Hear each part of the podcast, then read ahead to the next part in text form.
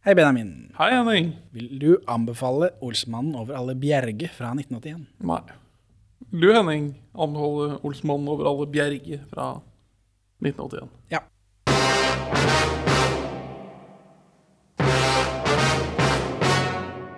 I forrige episode introduserte Henning Benjamin for en mystisk konvolutt. Jeg bare knytter litt med så folk hører at det faktisk er noe. Den, eh, jeg legger den, eh, legger den her imens. Ikke, den skal ikke åpnes, den skal bare ligge der. Oi, så eh, veldig Hitchcock-aktig av deg å gjøre. La oss lytte videre. Helmaks, Egon!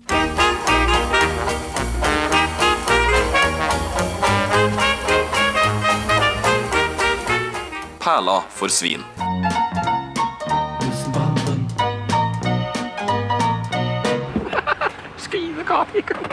Perleforsvin, podkasten for deg som hater Olsenmannen. I hvert fall å se shot for shot remakes. eh, Og så å se originalene etterpå. Jeg hater den øvelsen. og Jeg skal aldri være med på det. Men dette er jo noe annet. Det er jo ikke det. Denne her er tilstrekkelig annerledes, spør du meg. Vi er to middelmådige menn i 30-åra som ser norske filmperler, men nå har vi sett to danske filmer på rad, og vi har beveget oss over på danske Olsmann-film nummer 13, Over alle bjerger. Olsmann over alle hauger. Eh, vi poenger disse, men som sagt så har dette poengsystemet gått stykker nå som de har Ikke ene, går ikke i stykker før neste film. jo, jo, slått sammen, slått sammen to filmer til en norsk en, og så lagde en helt uavhengig norsk en etterpå. Men eh, sånn er livet. Den danske er 1 time og 40 minutter ganger to. Mens norsk film nummer 13, jeg vet ikke om det er noe vits og poeng i det, men den er 1 time og 29 minutter. Nei, de har alle, Den norske filmen har allerede fått poeng for at den er kortere enn disse to. Ja, for denne episoden vil jo da henge sammen med den som var forrige uke. Et avsluttende poeng på forrige film at re sekvensen rett før syrefabrikken, så ser Egon rett i kamera. Og det, det tror jeg er en henvisning til at de gjør det i Danmark, men at man har putta det på feil sted. Ja, altså I Norge så ser han rett i kamera. Ja. Dette var jo ment å være den absolutt siste Olsmann-utgivelsen. Olsmann 13. Og så vet jo vi at i 1982 så snakker Bøffen med Pål Bang-Hansen. Eh, og da spør jo han er det liksom, kommer det noe mer Olsmann. Og så sier han at ja, det er snakk om å lage en musikal, men jeg vet ikke om det blir noe av. liksom. Han sier det sånn, Noen har nevnt det, kanskje. Så Do with that what you want. Det kom jo en musikal i 2008. Sånn på, i feil format. Ja, eller altså som en, en musikal på scenen. En scenemusikal. Men eh, jeg, jeg kan ikke tenke meg at det har noe med det å gjøre. Nei. For det, var, det var den en- russiske Olsmann og den russiske diamant, eller sånt, og så er det Putin som kommer på besøk. og sånt. Jeg vet ikke, det, er ikke, det er ikke nøyaktig det samme manuset de hadde i 1982, hvis det har noe med det å gjøre. i det hele tatt. Så er det en kvinne som spiller Egon, som er gøy. Det, det er gøy. Det kan vi like. Eh, denne filmen så drar jo Olsmann til Paris. Det er Balling og Bass skrev jo Olsmann i Paris, som tidligere nevnt her, for mange mange podkaster siden. Så mange av disse lokasjonene er jo da hentet fra disse gåturene de tok i Paris, hvor de hentet inspirasjon til hva skal Olsmann gjøre til neste år. Eh, og dette er Kristen Kristin Walters siste film. Hun dør i 1987. Drukner sammen med Dynamitari. Jeg har, et- jeg har en konvolutt her fra forrige film. Ja, Du kan åpne den. endelig! Her sitter man og venter. Dette er forseglet da, med seilet til Perleforsvin. ja. Og boksseil. ja Klistremerke. Lokk opp, da. Jeg holder på, men jeg vil, i tilfelle dette blir samlerobjekt på et eller annet tidspunkt, så prøver jeg å ikke skade Oi, hva er det som skjer her? Hva er det? Det er et ligger en lapp oppi der. Hva står det på lappen? Benjamin prøver seg på en dynamitari slash selvmordsvits.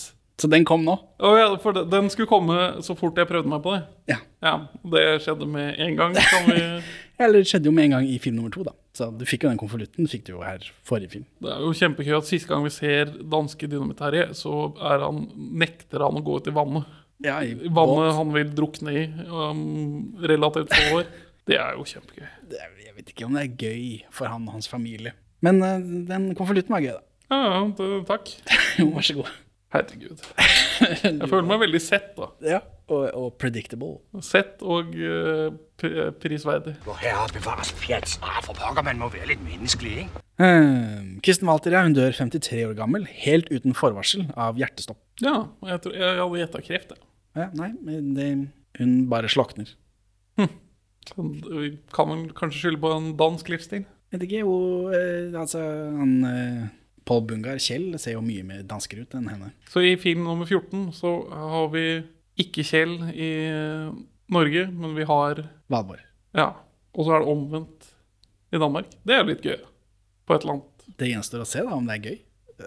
Ja, ja. Men, eller morsomt for meg at det, vi har At vi opplever forskjellige par. da Vi får se hvordan det utarter seg. Ja, det er det som blir gøy. Det er, det. Enkemann-Kjell høres jo merkelig ut. Går han bare rundt og er lei seg, eller er han sånn gladlaks bare 'Endelig er jeg fri'? Skal jeg fortelle deg hva som skjer? Nei. Eller skal vi vente Vi skal til vente til ja. det, men jeg må da få lov til å spekulere, bygge litt hype. Ja, legge frem et sånn, brev. Det har jeg også nevnt tidligere og, eh, i en eller annen podcast eh, relasjonssituasjonen til Kjell i den siste filmen. Husker jeg ikke. Um, dette er første filmen hvor Yvonne deltar aktivt i et kupp. da. Så de sender henne ut med stil, selv om Valborg har jo fått lov å delta tidligere. Ja, Det er ikke så mye mer å si på dette, annet enn at dette var jo meningen skulle være siste, på ordentlig. Ja. For en gangs skyld, eller for mange gangers skyld, men nå var det liksom siste. Nå er det to filmer på et år, nå er det slutt. Nå orker jeg ikke mer, sier Erik Balling. Jeg vil gjøre noe ordentlig. Gjør, gjør han det, da? Nei, men han har jo en Oscar-nominasjon fra før av. Ja.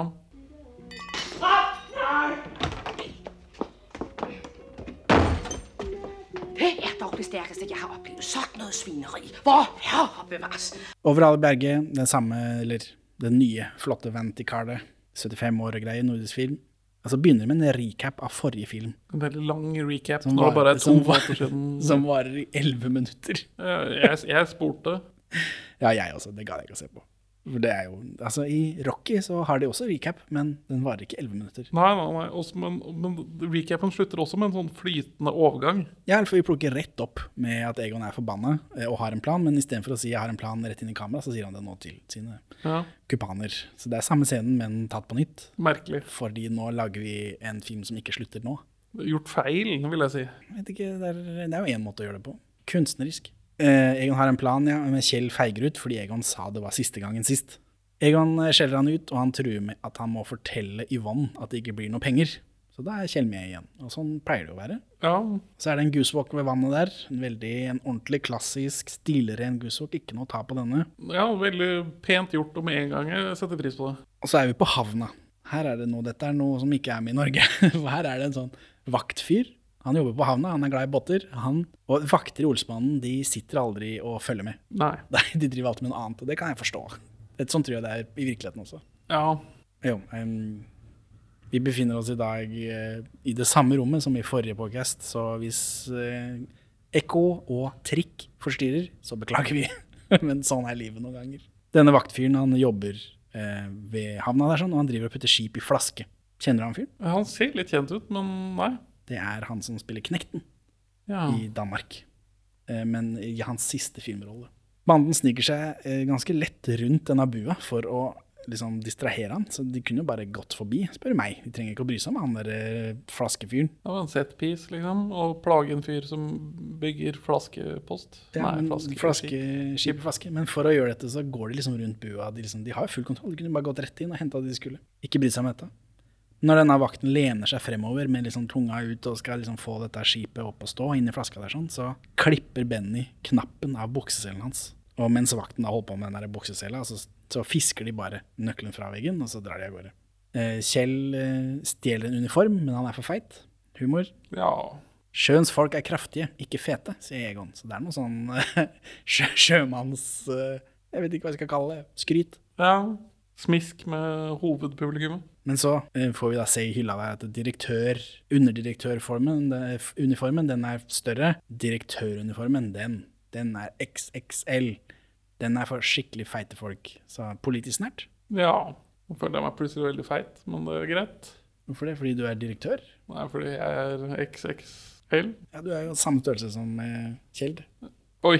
Nei, Så vommet er jeg ikke, men eh, ja, for så vidt. Mens de holder på med dette, så har eh, vakten sydd på knappen. Så begynner han med flaska igjen, og få dette skipet opp inni der. Samme greiene. Og Benny klipper knappen hans igjen, og så får de lagt fra seg nøkkelen.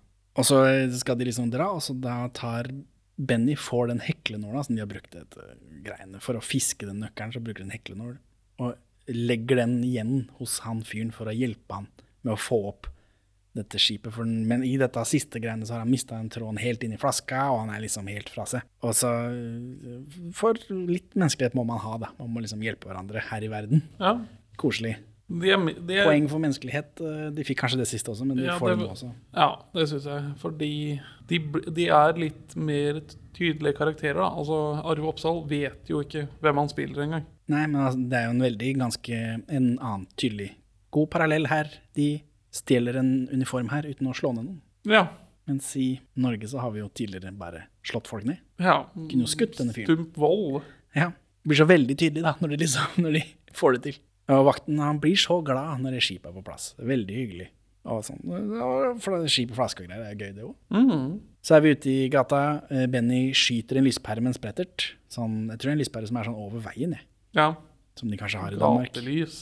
Og dette setter av alarmen i Københavns belysningssentral. Kjempe, er det. kjempegøy. Ja, her er det noe Er det politisk snart, eller hva er det? Det- det- er det kommunehumor? Det er vel altså uh, Byråkratihumor? Ja, det er, det, noe humor på liksom hvor gjennomgripende kommunen er, og at de er sånn stor, velfungerende, overstadig fungerende maskineri. Ja, hvor de ser at én lyspære er gått, og så setter du i gang dette svære ja, maskineriet, da. Det er en fyr som ser dette, og han sender ut et par folk i en bil for å fikse dette, og det er liksom fullt, eh, full utrykning.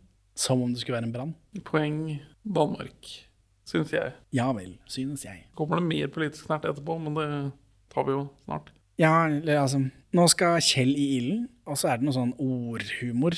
Han har en kaskett, og det er noe kritt, og jeg vet da faen, jeg Gittelkaskett og klasjett. Det er bare et Det var, det som var er ikke gøy, å var det det? Nei, Poeng Norge for ikke å ha med ordspill. nei.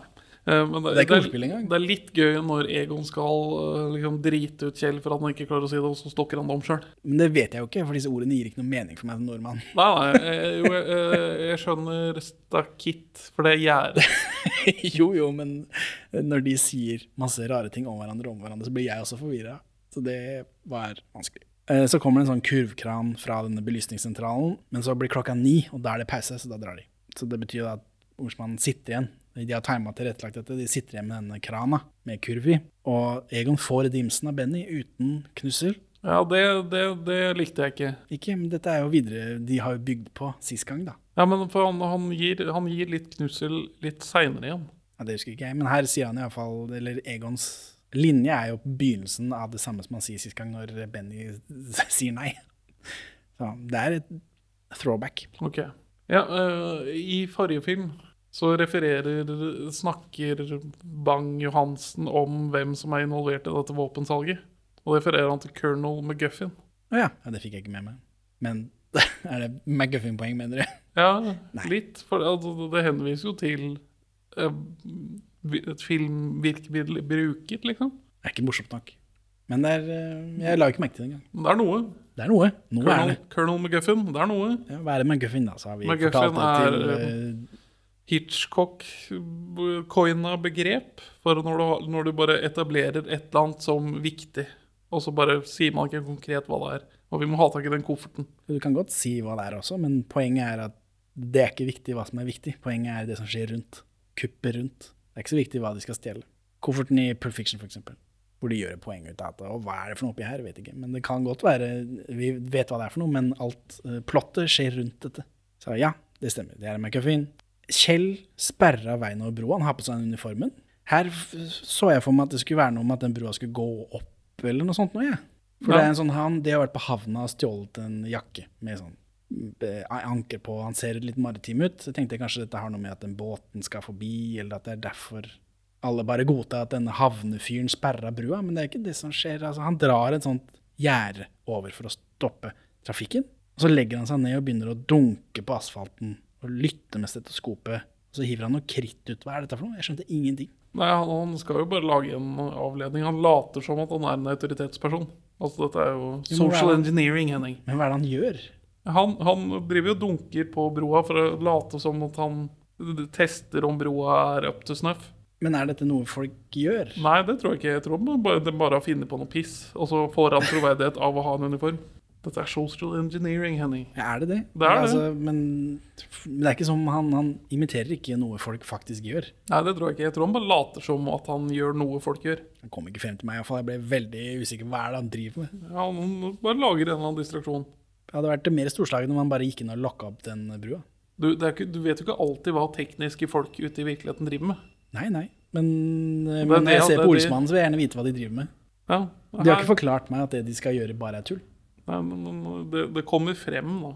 For han går ut og dunker med en hammer som om han skal høre en lyd fra broa. Ja, altså, ja, jeg trodde han gjorde noe som, eh, som eh, andre københavnere har sett før, og de da forstår at her må vi stoppe. Egon blir heist opp i denne kurven, for denne brua er jo over der hvor Egon og Benny står.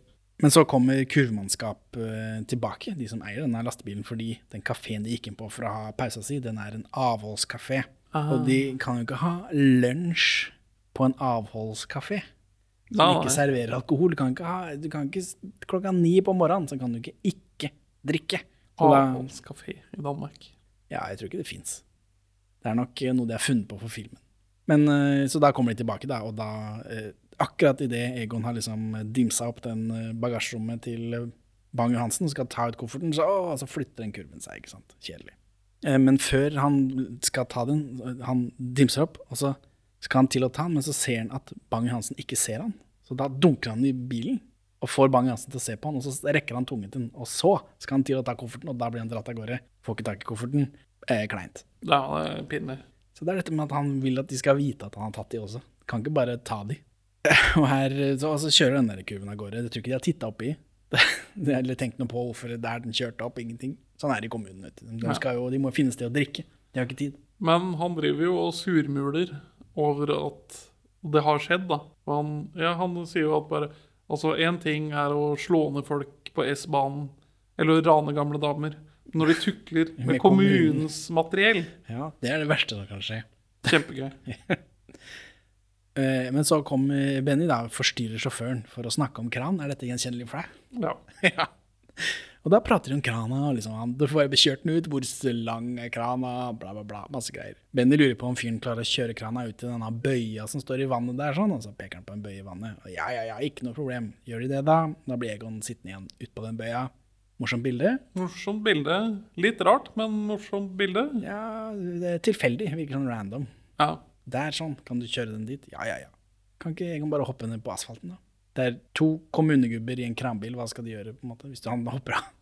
Fylle ut stikker et skjema. Eh, Men da får vi dette morsomme bildet, da. Eh, Og Benny ror ut til Egon. Han sier at Kjell har rømt hjem og sladra til Yvonne om at det har gått på ræva da. De er enige om at de får eh, leve nøkternt i stedet, istedenfor å drive med dette. Ja, det er farlig. Ja. Eh, Men Egon trenger Yvonne til planen. Så da, er liksom, eller, da setter Kjell ned foten, og nei, det går ikke. Min kvinne kan ikke jobbe. Men Yvonne vil jo være med, da. Men når Kjell setter ned foten, så bruker han Yvonnes catchphrase. Mye har du budt meg Ja. til Egon. Så her er det noen greier, interne greier. ja, og så klager Yvonne på at hun ikke får pult. ja, det kan hende. Men Kjell holder en lang tale, da, som Yvonne bare avfeier, selvfølgelig, fordi at Kjell ikke vil ha henne ute i arbeidslivet, selv om hun har jo hatt jobb i hvert fall to ganger. Ja. Så mm, hun kaller det mannssjåvinistene. Så Friskt. i 1981 Ja. Vet ikke om det er friskt. De er litt anokranistiske, da, disse Olsen-bandistene. Mandschauvinisme hedder det. Det er lige det, det hedder, og det er typisk. Innen man vet ordet ord er det, så er man gravid og dømt til blævask og rengøring. Men til nå de tider forbi. Så er vi hos politiet. Holm har funnet ut at Bange-Hansen bryter alle lover og setter verdensfreden i fare.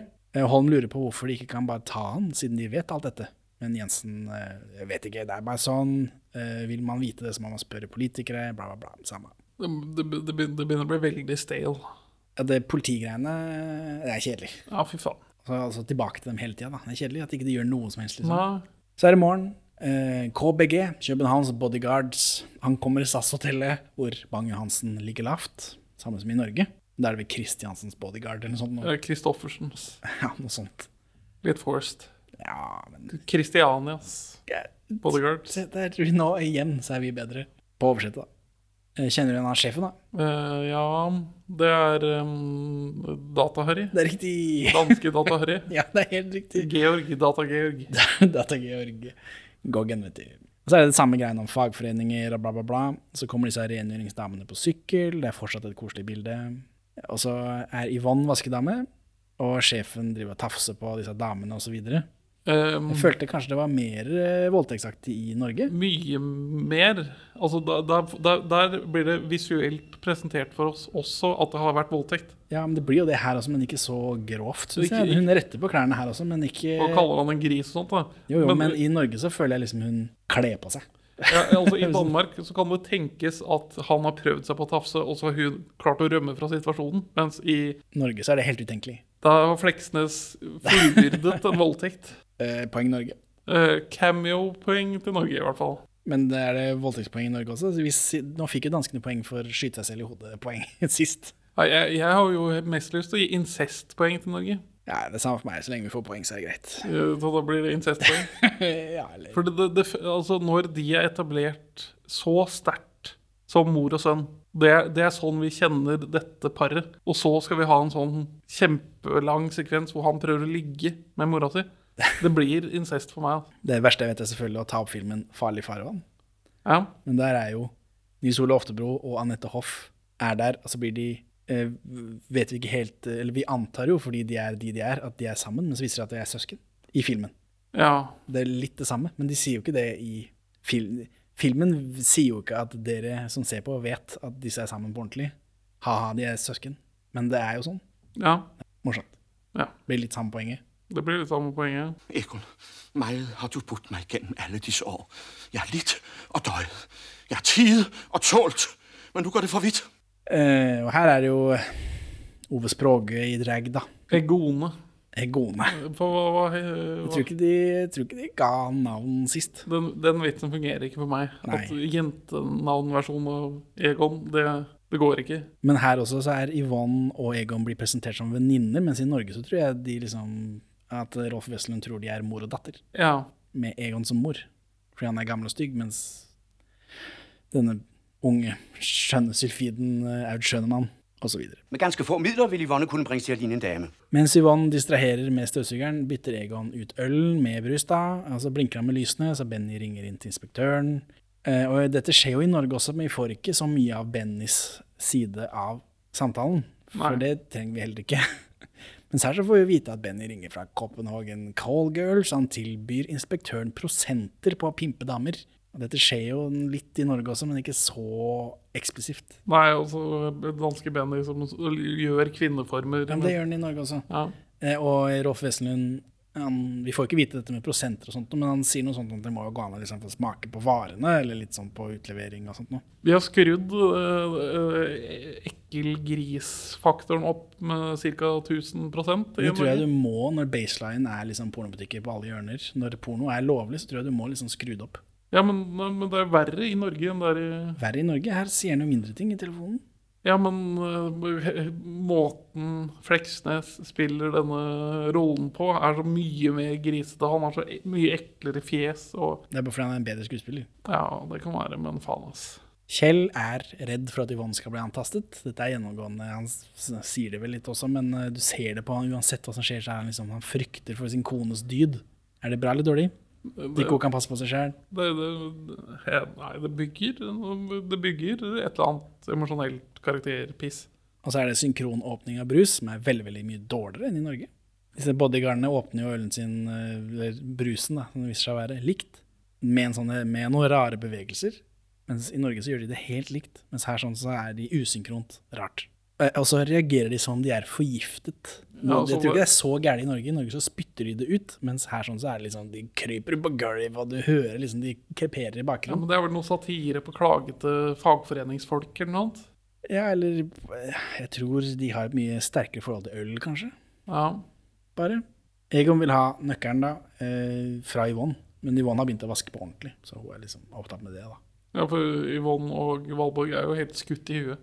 ja, i hvert fall her. Eh, inspektøren forgriper seg på Egon, og angrer med en gang. Faen. Egon bøyer seg over støvsugeren for å få ut denne nøkkelen, og så kommer inspektøren opp bakfra og tar bowlinggrep på den. Han burde jo kjent, liksom, kjent at det var noe rart der, men eh, Egon får tak i kofferten, eh, men kommer ikke ut av rommet. da. Eller Egon sniker seg inn til Bang-Hansen, tar kofferten, kommer ikke ut av rommet fordi Yvonne og inspektøren er i gangen og snakker om vasking. Og etter hvert så begynner de også å krangle så høyt at Bang-Hansen våkner. Og, da, altså, da er det jo, da rømmer Egon rømmer på gangen, inspektøren er der, Bang-Hansen er der. Bang-Hansen sier til bodyguardene 'ta den mannen'. Så kommer disse bodyguardene sånn karate-parodi gående for de skal liksom Ja, er liksom Hva var er, dette? Det er, for, har, er kung fu-æraen i Skandinavia på gang? Er det det, som, det der? Det skulle man tro på 80-tallet. Ja. Det er jo 70-tallet og sånt. Jo, Ja, men kung fu-æraen varer litt ut i 80-tallet. ja, ja, ja, men det, altså, det, er eksisterer jo i hvert fall på 70-tallet. Ja, ja, men det er jo det, det, det det de henspiller på. at Dette er kung fu. Jo, men det var- så jo veldig rart ut. De gjør ikke det i Norge, og det er bedre. Ja. Eh, og de banker han eh, inspektør, selvfølgelig, da. Fordi de tror at Egon er en dame. Og, og er Egon, og så får de jo Bang-Hansen får oppklart at nei, det er, han, det er den dama du skal jage. Og da gjør de det. De jager han. Egon lokker seg inn på et rom med, sånn, med dør, med glass i døra. Og så kommer disse vaktene, og så glir Egon ned. Og da løper disse vaktene ned trappa, for de skal liksom ta igjen han i heisen. Men så viser det seg at det er ikke en heis, det er bare Egon som har knekt i knærne. Ja. Det var en morsom gag. Poeng til Danmark. Det, det gjør meg vondt. Eh, og så Yvonne banker han der eh, Goggen, da. Samme som i Norge. Inspektøren kaller Egon et perverst svin. Eh, og her får bodyguardene tak i kofferten i søppelrommet. Mens i Norge så tror jeg Benny og Kjell får den.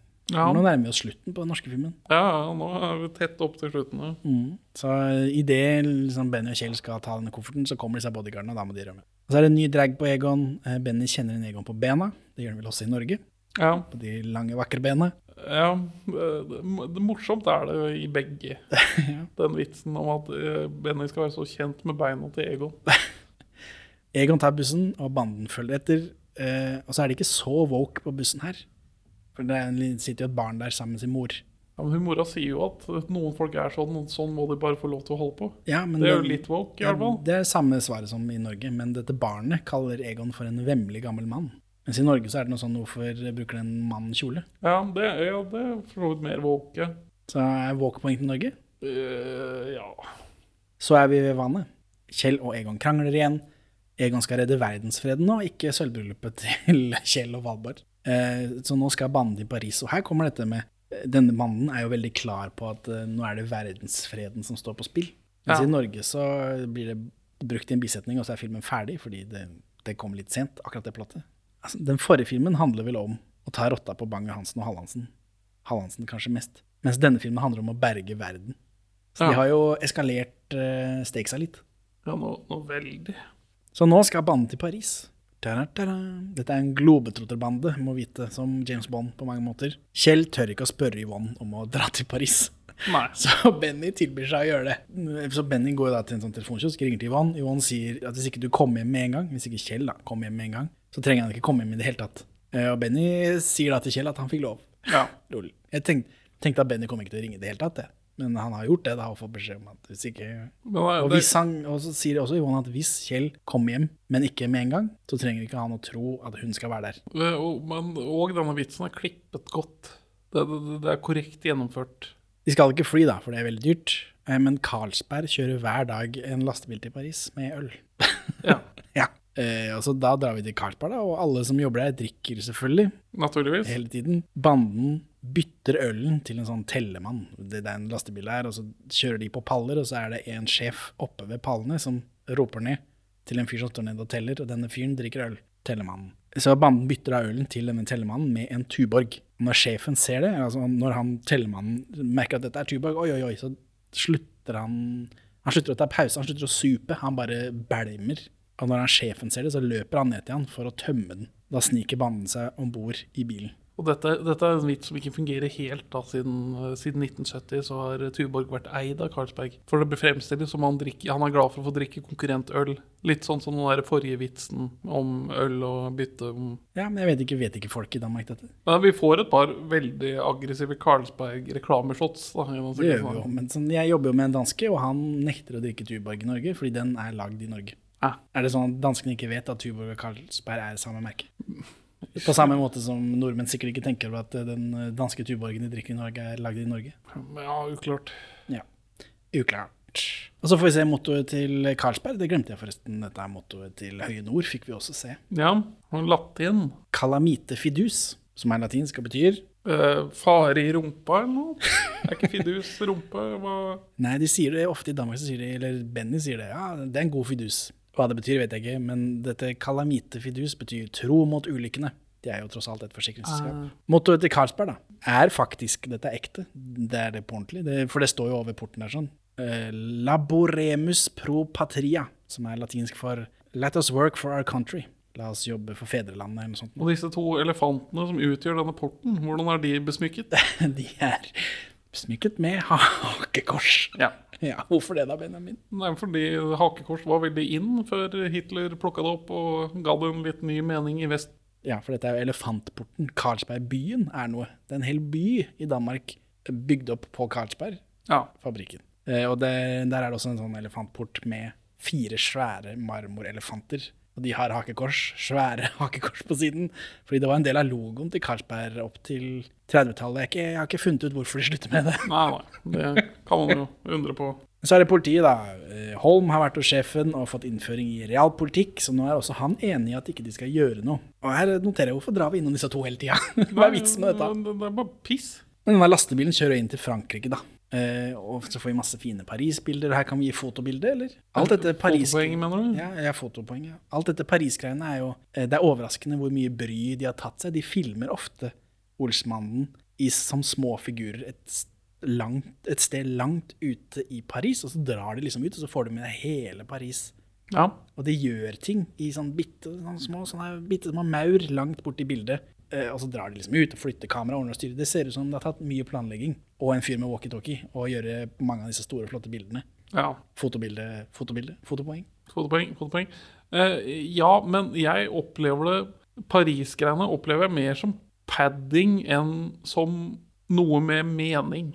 Jeg syns det var storslått. En fantastisk måte å sende av gårde Olsmann på etter så mange år. Ja, altså bare hylle dem og passere dem inn i verdens flotteste hovedstad. Er det liksom det? Ja, eller i flotte omgivelser. Og så, da blir de brått flottere. Og så, jeg vet ikke, jeg vet ikke hva det var. Det traff meg. Jeg er enig i at det er hyllete, men jeg skulle ønske de hadde et eller annet større poeng med det. da. At de hadde fått lov til å faktisk filme på Eiffeltårnet istedenfor å gå på en jævla kjent restaurant. Ja, men de filmer jo også på Eiffeltårnet. Ja, de, de filmer på Eiffeltårnet, men de gjør ikke noe med det. Nei, det er sant. De eh, hopper ikke i fallskjerm fra Eiffeltårnet, sånn James Bond gjør. Nei.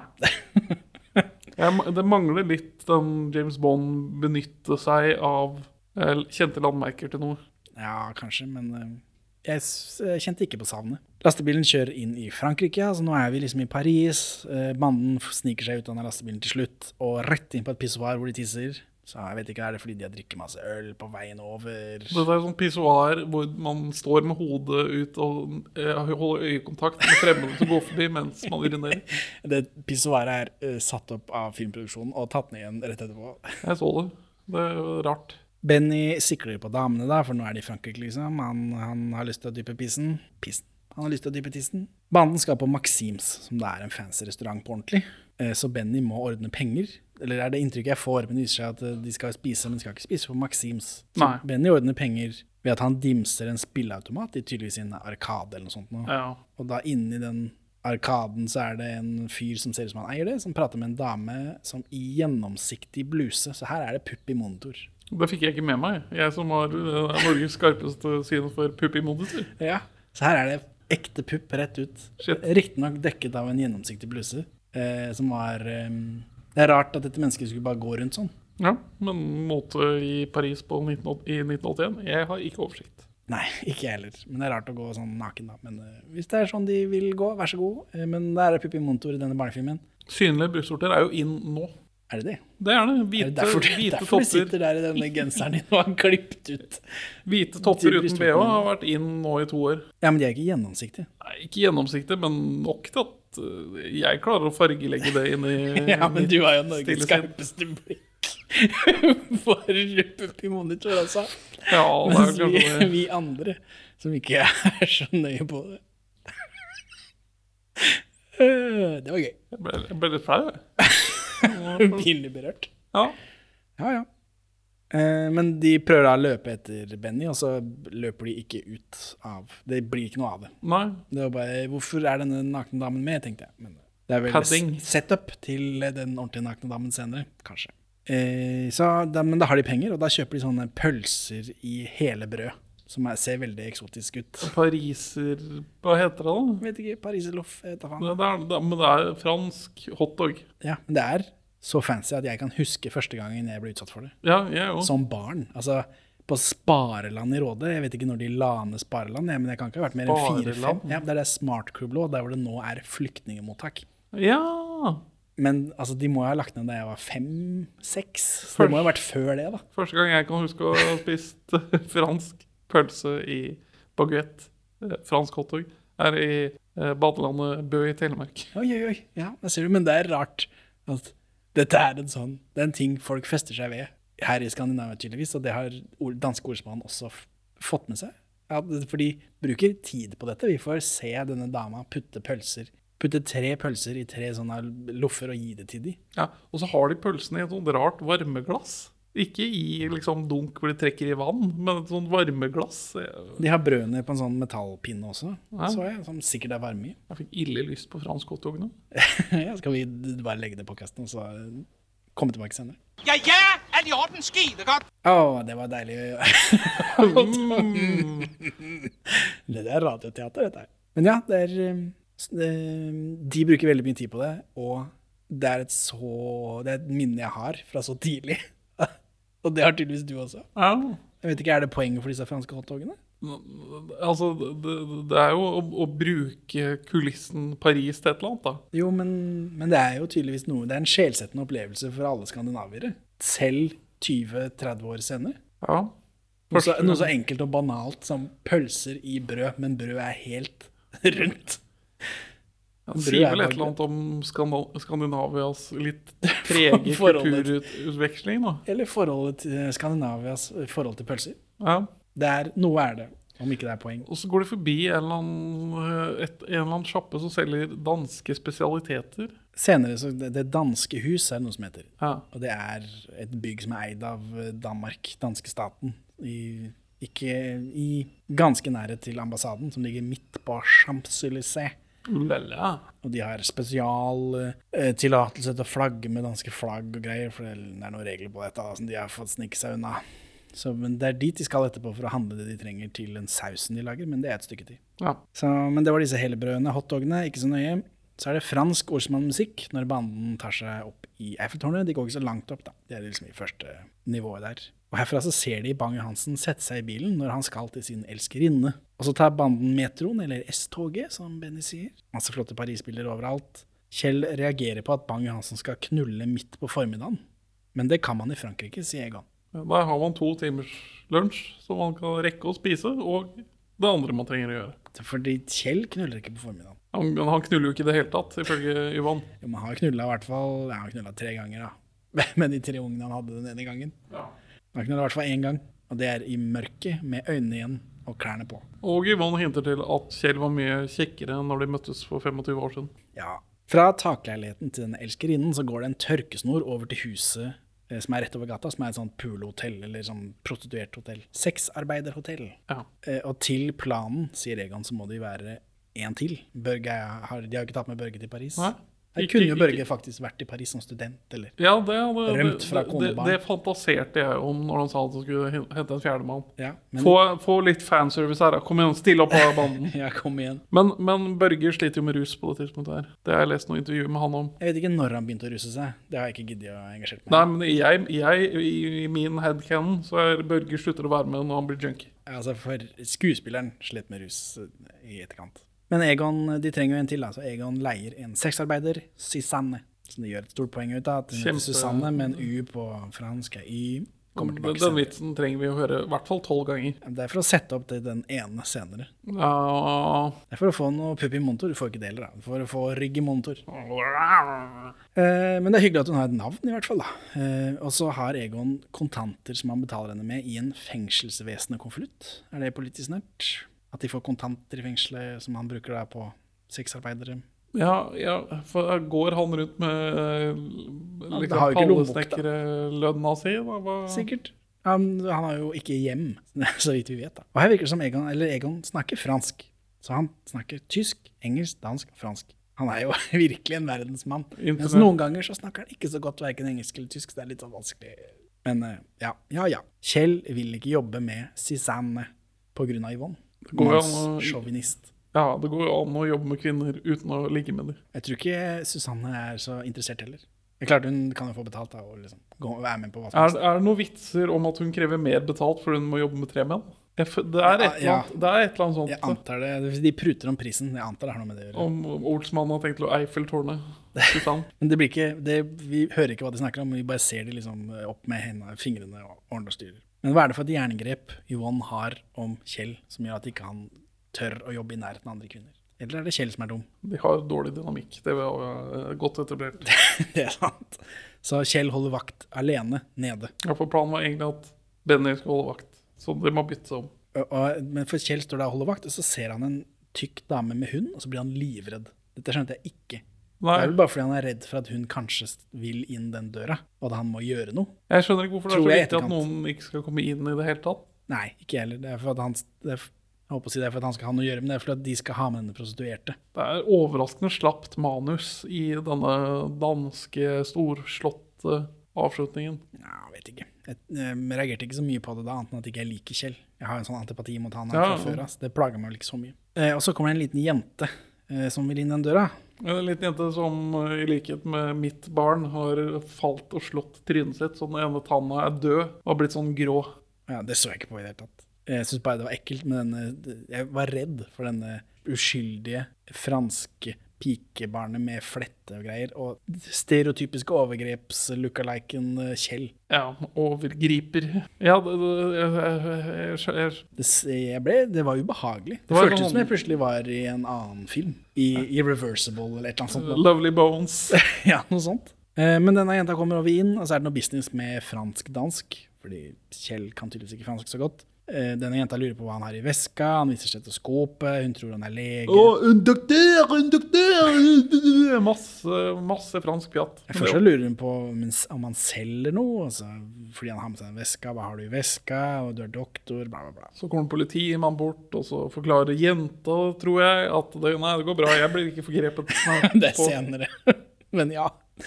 Vi klipper tilbake til dem eh, oftere enn man skulle tro, ved at Kjell ikke forgriper seg på henne. Ja, men, men hun forgriper seg jo på han, for hun driver og tar sånn talkum i trynet hans og sånt. Jeg tror de går for en sånn uskyldig klovnaktig karakter på Kjell i det, disse øyeblikkene. Men Ja. det går jo ikke gjennom fordi han ser ut som han gjør. Nei, men ja, det blir bare rart at disse to leker sammen, og han tar en så passiv rolle. Ja, uff. Men oppe, da, mellom For nå er eh, resten av banden, de, banden, de i banden vi bryr oss om, Egon, Benny og Susanne, Ja, er nå oppe i dette liggehotellet. De har betalt for to timer, så de kan, kan gjøre hva de vil i to timer. Og så er det en sånn tørkesnor som går fra dette hotellet over til eh, verandaen til eh, elskerinnen da, til Bang-Hansen. Og der henger denne nattkjolen til Bang-Hansen, for den liker han å ha. Så er det en snor i etasjen under også, som det er en svær dametryse på. og da viser det seg at planen til Egon er å kle på seg den nattkjolen til Bang-Hansen, så at han kan bli sveiva over dit. ja. Så at mens Bang Hansen pøker, kan han ta kofferten og putte den i dametrusa. ja, men Så skal Susanne Dra. Susanne Susanne, dra den dametrusa inn, for hun står der i etasjen under. Men før vi kommer så langt, så prøver Egon å vise Susanne hva hun skal gjøre. Altså dra i denne snora hvor det henger en dametruse. Den dametrusa kommer jo fra hotellbiten. Ja.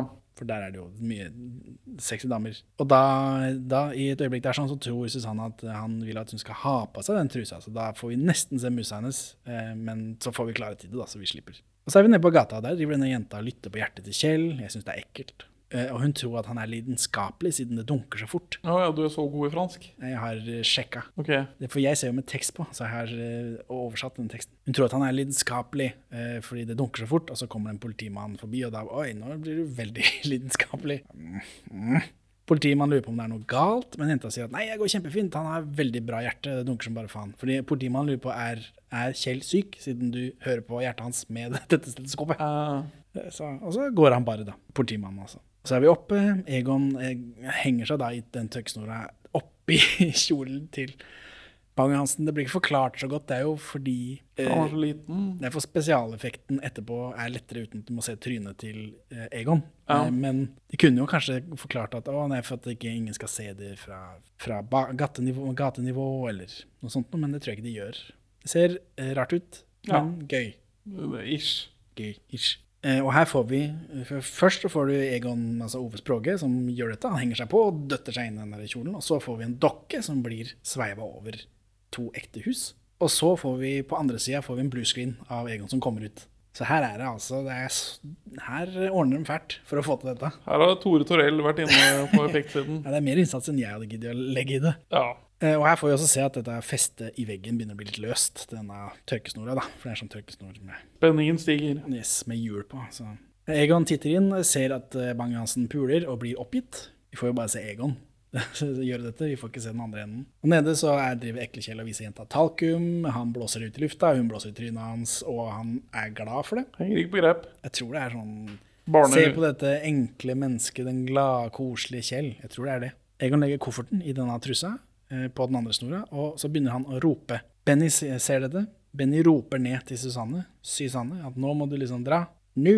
Hvorfor kan ikke han bare gå ned og gjøre det? Jeg vet ikke. Noe, sier han. Og så sier hun på fransk eh, ny. Og så, så kommer Benny på at ja, jeg har fått kjeft mange ganger at uh, U er jo Y på fransk. Så da sier han ny, og det betyr naken. Så istedenfor å dra den over, så kler hun seg naken istedenfor. Humor, forviklingskomedie. Og Benny løper da ned for å sjekke hva som skjer, siden ikke det skjer noe med denne tørkesnora, og da er hun naken, og han bare oi, oi, oi. Det, det er jo ingen menn som klarer å motstå det. De har jo betalt for henne også, så Og da går Olsmann på sett og vis full circle. da. Den første filmen starter jo med at de ligger med prostituerte. ja, for så vidt. Eh, Bang-Hansen kommer ut på balkongen og blir sjokkert over at kofferten hans ligger i en dametruse. Så han tar den ut. da. Så da var det liksom bortkasta. Og så er det insert av denne jenta som blåser talkum i ansiktet på Kjell, og han ler. og det er ikke bra. Egon har gjemt seg i denne nattkjolen mens eh, Bang-Hansen er oppå der. Og Egon skal klatre over snora i raseri, men mens han holder på med det, så ryker snora ut av veggen, og Egon blir slengt inn gjennom et vindu i første etasje, for han holder ved snora, og tvers igjennom huset og ut på andre sida, hvor Kjell står. Og det, og det er jo litt mer storslått igjen. Ja, Er det det, de, er det, det, det den greia de prøver å skape med det fallet til Kjell i den norske? det tror jeg ikke. Her fikk jeg sånn Assassin's Creed-følelse. Ja. At han liksom har parkora seg gjennom hele huset. Eh, Og da liksom, ja, da tror jeg de gir opp, ja. Altså, det går de vel. Han, han og Kjell går. Benny er opptatt. Men de står jo og venter på han Ja, ja. Eh, De står og venter på han, for så å kunne gå fra han. for å vise deres forakt. Fordi senere så kommer Benny ut, han retter på slipset. Det betyr at han har ligget da. Egon sitter og sturer. Når Benny kommer ut, så blir Egon og Kjell sure, da, så går de. Først og fremst Egon, men Kjell følger etter Egon. Eh, hva syns du om hele denne sekvensen? Poeng til sekvensen? Det er mye greier. Ja, det er poeng til sekvensen, men jeg syns det er litt slapt. Sånn rent generelt så syns jeg det er ikke Ikke så, Benny. Benny. Benny har. Ja. ja, men det er, det er ikke så storslått som det det burde være. Det, det er bare en kjempelang Olsmann-film. Men jeg liker sett. denne kulissen. Det er liksom, det er parisisk og flott for meg, uten at jeg har vært i Paris. Og så ved seinen så må Benny beklage at han har pult. Ja, jeg liker veldig godt å se Olsenmannen ved Seinen istedenfor havna i København. Det gjør jeg. Ja, for dette er nok et storslått bilde. Eh, Hva skulle han gjøre da? Eh, De hadde jo leid rommet for to timer, og hun var naken, og, han, og hun sa at hun elsket han. Morsomt. Ja. Og her klikker det for Kjell, da. Eller Kjell driver og shamer Benny, men på en sånn ekkel sidekick-mobbemåte. Altså, for du har liksom Alle som har gått på barneskolen i Norge, har hatt en mobber, og så er det en sånn hang around-mobbefyr som bare er sånn hypeman for han mobberen. Lavstatusmobber. Ja, og det er Kjell her. Det er kanskje enda eklere enn når Egon liksom kjefter på ham. Ja, føler jeg. Eh, Egon skriker et primalskrik. kjempegøy. ja. Han kjefter eh, om alt som står på spill, verdensfreden, Egons liv eh, og millionene, da, sier Kjell. Og Benny er enig i at det var kanskje litt dumt, da. sånn til slutt. Og Kjell vil at Benny skal love å aldri gjøre det igjen. og det er jo Benny tenker på pulinga, og han lover til slutt, da. Så det er morsomt. Ja, det, er- det er en gøy vits. Og så er det nok en plan. Det er siste sjanse, igjen. Eh, Nå er det denne lunsjen på Maxims. Eh, For Bang-Johansen skal jo da bytte denne kofferten, selge disse våpnene på Maxims, virker det som. Ja, møte de internasjonale mm, våpentraffickerne. Og her drar de til det danske hus, som nevnt. For er det, de skal, det de trenger, det kan de, får de kjøpt der. Jeg kjenner ikke nok til dansk sausekultur. Ikke At jeg helt skjønner vitsen vitsen. Jeg måtte lese om det senere. For Ja, å, da kan du kanskje forklare meg, for jeg ikke gidder å lese om det. Jeg bare forsto at det var salt, eller ikke, det, ikke så godt det skulle være. Og her kommer en sånn, gu, sånn goosewalk foran Notre-Dame og Triumfbyen. Er ikke dette storslått? det, er, det er ganske storslått. det. Ja. Altså På natta så bryter de seg inn i Maxims og, øh, og venter til morgenen. De hadde lov til å filme på taket til Maxims, men eh, det var ikke, ble ikke like flotte bilder av det, så de lånte nabotaket, hvor det lå en arabisk bank. Som var redde for at det var bare dekket for et bankran. Så de var litt tilbakeholdne på å gi godkjennelse. Og her øh, får vi nå får vi soloppgang over Paris. Storslått. Gutta bare ligger på taket på sånne standard tak... Ja, de har ligget på taket og venta, da. Men de har også tatt seg bryet med å ta med seg masse fancy mat opp. Veldig mye fancy mat opp. Ja, fordi de eh, Nordisk film spiller ut Olsmannen. Storslåtte bilder. Alt er flott og fint. Dette er noe de alltid har hatt lyst til å gjøre, sikkert. Jeg vet ikke. De får minuspoeng, for, eller Karsten Byring får poeng for at de ikke han spiser. Ja, såpass, ja. Å ja. Så du kan stappe rekekjeften, eh, Kjell her. Men ja, de har liksom De har reker, champagne, stek, fruktkurv. Det er ikke måte på hva de har oppå taket der. Ja, Flere flasker champagne. Er bare virkelig Mesker seg godt for de, De har mye god mat på eh, Maxim, som de da har stjålet. Ja, hvor, hvor, så de har bare stjålet ferdig preparert mat fra Maxims. Det stemmer. Det, det, det får jeg ikke til å henge på greip. sånn rent. Jeg klarer ikke å suspend my disbelief. De har brutt seg inn i en min vantrohet. De har brutt seg inn i en fancy restaurant og stjålet mat. Det kan ikke være så vanskelig Men det jo- å suspendere, vel. Det, det, det, Herregud. dette er ikke halvfabrikata land. De hadde jo stjålet ferskvarer. Det, alt er klart, og så bare putter de om en i 20 minutter som en ferdig pizza, og så tar de det ut. Bang-Johansen kommer, da. Eh, Det samme gjør en masse andre folk i eh, kostymer. Ja, For det er, sånn, det er litt sånn stereotypiske eh, klær fra andre land. Men de har en ekte mørkhudet mann, så bra. i motsetning Melaninrik. eh, Hvis de hadde gjort det i Norge, så hadde det vært Harald Heide Steen. Så- Ja. Vil du love aldri å gjøre det mer? Ja, aldri noensinne. Ja, sånn. Sverger du? Ja, for faen. Kokken på Maxim, eh, kjenner du igjen han? Eh, nei. Han som spiller Mester Hansen. Ja. og vertshuseieren i de to første filmene. Bang-Johansen har jo da tatt med seg en sånn bodyguard som passer på kofferten under denne lunsjen. Eh, Og på dette taket så driver Egon og lager saus. Dansk saus. ja. Sos. Eh, Hadde du noe på det? Hvorfor det skulle være Ja, så nei, nei. Så grusomt? Ja det, det jeg fant ut, er at planen baserer Mere seg på salt, sier Kjell når han smaker på det. Ja, Planen er bare at dansk saus er noe såpass særegent at om du ikke har kultur for å spise det, så vil du oppleve det som frastøtende. Ok. ja, fordi de lager saus på taket, putter et sausenebbe i veska til Kjell, som jeg synes var gøy. Og så går de, da. Og så bytter de om. Og, og denne sausen her er ekstra gorm. Ja, for den sausen de har på Maxims, er liksom det er det gjeveste de serverer på Maxims, er den spesiale, eh, spesial imperialsausen deres. Er det det på, på virkelig? Nei, det vet jeg ikke, men det er det de sier i filmen. Ja. Du lærte veldig rart om, spesial, om spesialiteten på Maxims, en av verdens mest berømte restauranter, var saus. Men de bytter iallfall ut den sausen med den danske, og da blir alle i selskapet alvorlig syke. Eller Ja. noe sånt. Jeg vet ikke. Det er som uh, The Rock, husker du The Rock-filmen med Nicholas Cage? ja VX-gassene. ja. Ja. Litt sånn er det de reagerer. De, de får byller i ansiktet.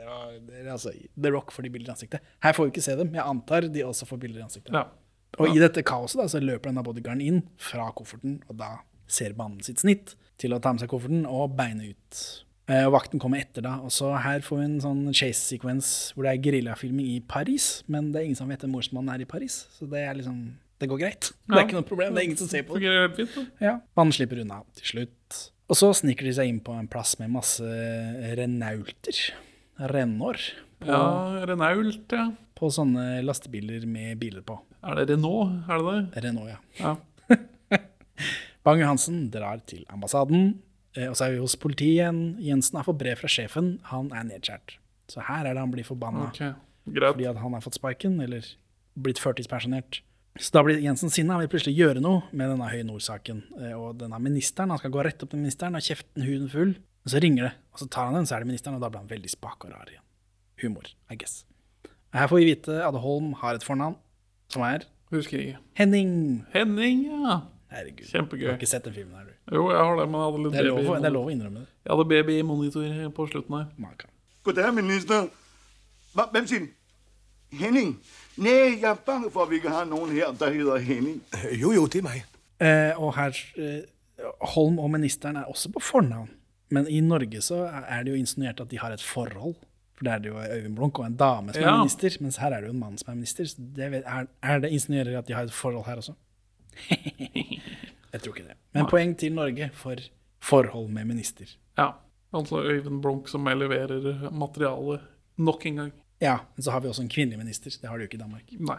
Og så kommer denne Renault-lastebilen med Renault på til København, og da får han en øl. Er det sånn i Renault-butikken at hver gang de får nye varer, så må sjåføren ha en øl? Ja, jeg tror det. Ah, dansker, ass. Banden de stjeler en Renault. For de har sittet bak i den bakerste Renaulten, og så når den ankommer Danmark, så bare boop, starter de den, og så kjører de av gårde og, og forlater stedet, da. Og så setter de den fra seg rett borti gata, tror jeg, så de, den kommer tilbake til riktig eier. Fordi vi ser politiet har liksom funnet den. Litt menneskelighet må vi ha. Eh, og når vi kommer hjem til Kjell, så har Yvonne dratt. Hun har lagt inn en lapp på bordet med kniv i. så hun er sinna. Det står 'Farvel for evig. PS. Jeg er hos min søster'. Så igjen søster i monitor. Kjell blir da forbanna på Egon. Selv om skylden ligger hos Benny i dette tilfellet. Ja, eh, men politiet kommer og avbryter dem. Altså Holm. For nå skal han liksom Nå, nå reagerer jeg med sjokk på uh, hvordan resten av filmen utarter seg. Ja, hvordan de ruller opp Olsemannen etter uh, 13 år. Og det, og det fungerer ikke dramaturgisk i det hele tatt. Det er bare plutselig så bare brekksladder vi filmen, og så er det over. Ja, ja, ja. Ja. He, eh, ja. Det er det eneste jeg kan si på det. At det, nå var det plutselig slutt. Nå har det skjedd masse greier. Plott det- fram og tilbake, opp og ned, som vanlig. Plutselig slutt. For de har jo bare hatt tre og, tre og en halv time på seg. De, Ja. de rekker jo ikke å liksom, Nei, lage en ordentlig slutt. Sier sier seg sjøl. Ja, men De er vel lei, vel? Det er vel en grunn til at vi har sluttet dette. Eh, Holm tar kofferten, da. Som Egon har jo tenkt å levere denne og liksom få 10% i finnerlønn og, og liksom å redde verdensfreden. da. Men Holm tar kofferten og sier at Egon er siktet for å ha stjålet en rød koffert. Ja, den der, ja. Og så tar han den. Og så er han også siktet for å ha brakt verdensfreden i fare. Så forbrytelse mot menneskeheten, da, eller hva? Så det vet jeg ikke. Rett hag. Ja. Egon ser i kamera. Og så regner det i bakgården. Dette skjer jo også i Norge. Eh, Når Benny og Kjell ankommer i bilen, plutselig, for nå er de ute, dette er senere, ja. uten at de har forklart det så godt. Vi Eh, får jo som regel ikke se hva de gjør etter at øh, Egon går i spelet. Nei, det også er uh, Ja, rekkefølgen er rar, men, men. Men, men. Uh, Benny gir Kjell en paraply, og så tar han på seg denne jakka som ligger igjen etter Hallandsen. Og der er det jo fem millioner. Hurra! Og så er det enda en sånn whiplash senere. Benny dirigerer et orkester med smoking. Og de spiller Du grønne glitrende tre god dag, som jo er en julesang i Norge. Men det er eh, Schindlers liste åpner vel med en sånn festscene hvor de synger 'På låven sitter nissen'. Så eh, vi har vel hatt tradisjon i Norge for å bare ta melodier og Ja. gjøre det til julesanger. Så Benny dirigerer dette orkesteret. Eh, Det er danske flagg i trappa til Kjell. Eh, Kjell kommer ut. Det er også et skilt over døra hvor det står Kjell og Yvonne, 25 år, de feirer dette sølvbryllupet. Kjell kommer ut i en stygg, rødstripede lagerfrakk, som jeg tror er Det skal liksom være morgenkåpe, men siden han har hatt på seg og skjorte med slips under dette, så ble jeg veldig forvirra. Hva er dette for noe? Det skal jo være gettosnipp, da. Jeg vet da faen, jeg. Eh, og så vinker han ut Yvonne, og Yvonne er veldig flott i pelsen sin, og hun har nattkjole, så det her skjønner jeg liksom. Aha, den der stygge lagerfrakken, det er det der. Det er sånn de starter feiringen av sølvbryllupet sitt, liksom. Jeg vet ikke hvor i sekvensene av sølvbryllupsfeiring dette er. Det var rart og ikke forklart. Eh, og så hilser de rett i kamera. Benny hilser rett i kamera. og så treffer vi Egon på, ikke inne på Vridsløslille, men på psykiatrisk avdeling. Han går i hagen der. Han ser rett i kamera to ganger. Og så går han bort fra kamera mens kameraet mister fokus, og han blir bare en sånn tynn eh, dus strek. Du ser andre psykisk syke dere salter rundt i bakgrunnen i da uniformer, da, han som har fått beholde sin get up. Ja, slutt. Olsenmannen avslutt for What the fuck? What the fuck? Husker du hvordan det Norge slutter? Ja, de, blir hyllet som helter for å ha reddet verdensfreden. Egon blir det i hvert fall, ja. Ja, Mens Benny og Kjell finner i seg penga på samme måte. Men E- Egon han blir tatt på samme måte fordi de trenger å ta en bakmann, samme som alltid. Men så får vi vite da senere at nei, vi trenger ikke en bakmann, vi trenger en helt. Så er det Egon som blir hyllet som en helt. Så her så blir han bare satt inn på psykiatrisk avdeling. Ja. Hva, hva, liker du best? Jeg liker, altså jeg syns den hyllestgreia ja, ver- verdenshelt Jeg syns den er teit. Men jeg foretrekker det fremfor at Egon avslutter sitt Olsenbanden-liv med en sånn straff som et evig opphold på en eller annen psykiatrisk institusjon. Det er ikke noe hyggelig. Nei, men samtidig så vi står liksom på utsida av gjerdet og filmer han gjennom gjerdet, og det blir liksom, vi mister fokus. Jeg syns det var noe poetisk og fint med liksom selve slutten. men Jeg vet ikke, men det faktum at han er på psykiatrisk avdeling på ubestemt tid, er litt sånn øh, ja, Det jobber litt mot alt det de har prøvd å oppnå i filmen, da. Dette er liksom siste reis, og så ender det ikke så godt, da. De har, jo, de har jo hatt siste reis to ganger hvor det endte opp i Mallorca, men ikke her.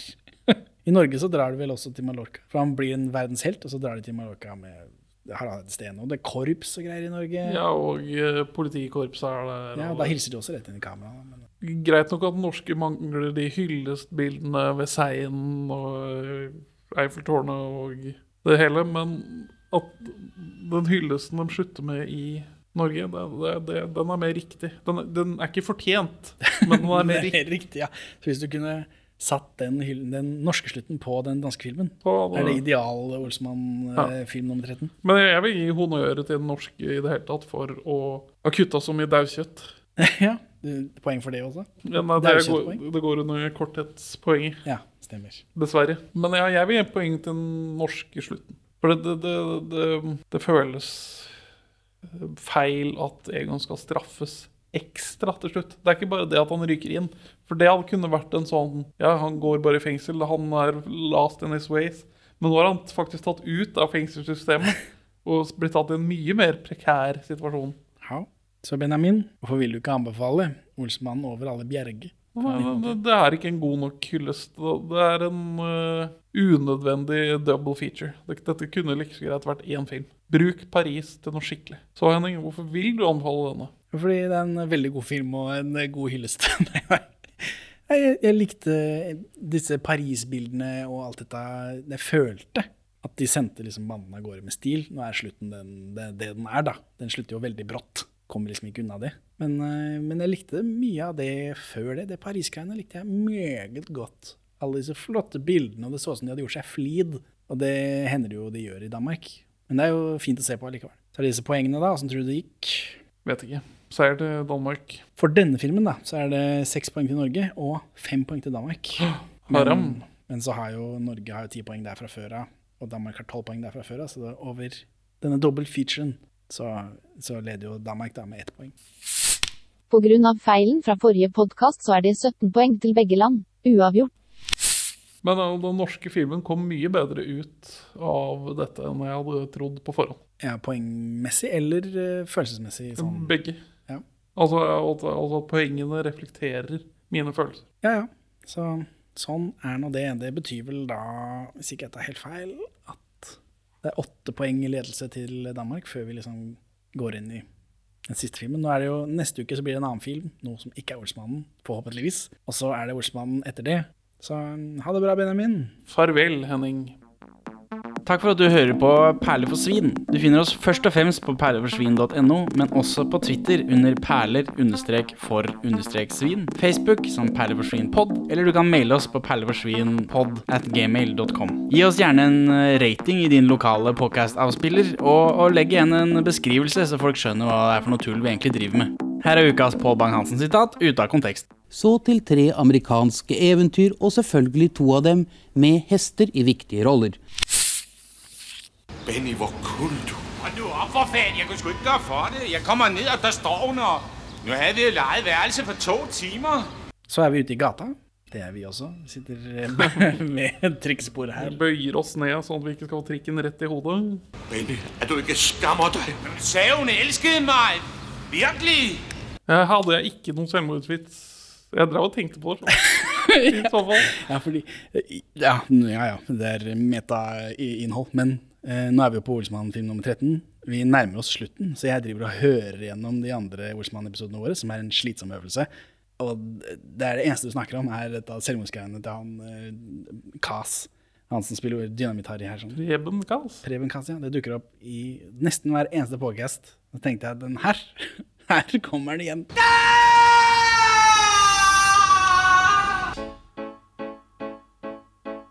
I see a little silhouette of a. Scaramouche, Scaramouche, will you do the fandango? Thunderbolt and lightning, very, very frightening me. Mamma mia, mamma mia. Oh, mamma mia, let me go. Mamma mia, Figaro. Magnifico. I'm just a poor boy, nobody loves me. He's just a poor boy from a poor family. Spare him his life from this monstrosity. Easy come, easy go, will you let me go? Bismillah, no. He will not let me go. Let him go. Mamma mia, mamma mia, mamma mia, let me go. Beelzebub has a devil put aside for me. For me. For me.